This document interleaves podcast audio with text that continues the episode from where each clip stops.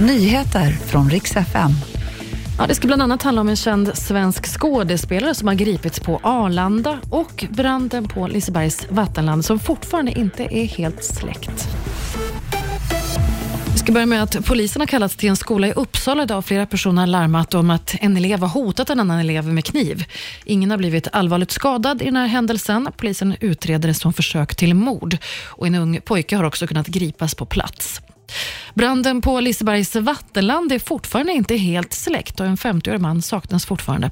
Men rasrisken är så stor så att det har försvårat sökandet efter honom och det är inte klart ännu vad som orsakade branden heller. Brottsrubriceringen just nu är grov allmän vårdslöshet och arbetsmiljöbrott.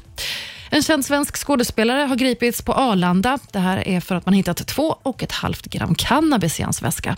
För det döms han till dagsböter på 40 000 kronor och 1 000 kronor ska också betalas till brottsofferjouren. Och för den som saknat serien Gåsmamman så kommer nu goda nyheter. Serien kommer nämligen tillbaka. Det blir en epilog med tio avsnitt.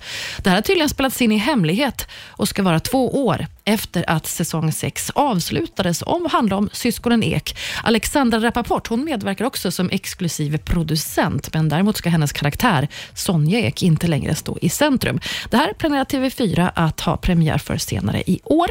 Och Det var nyheterna. Jag heter Maria Granström.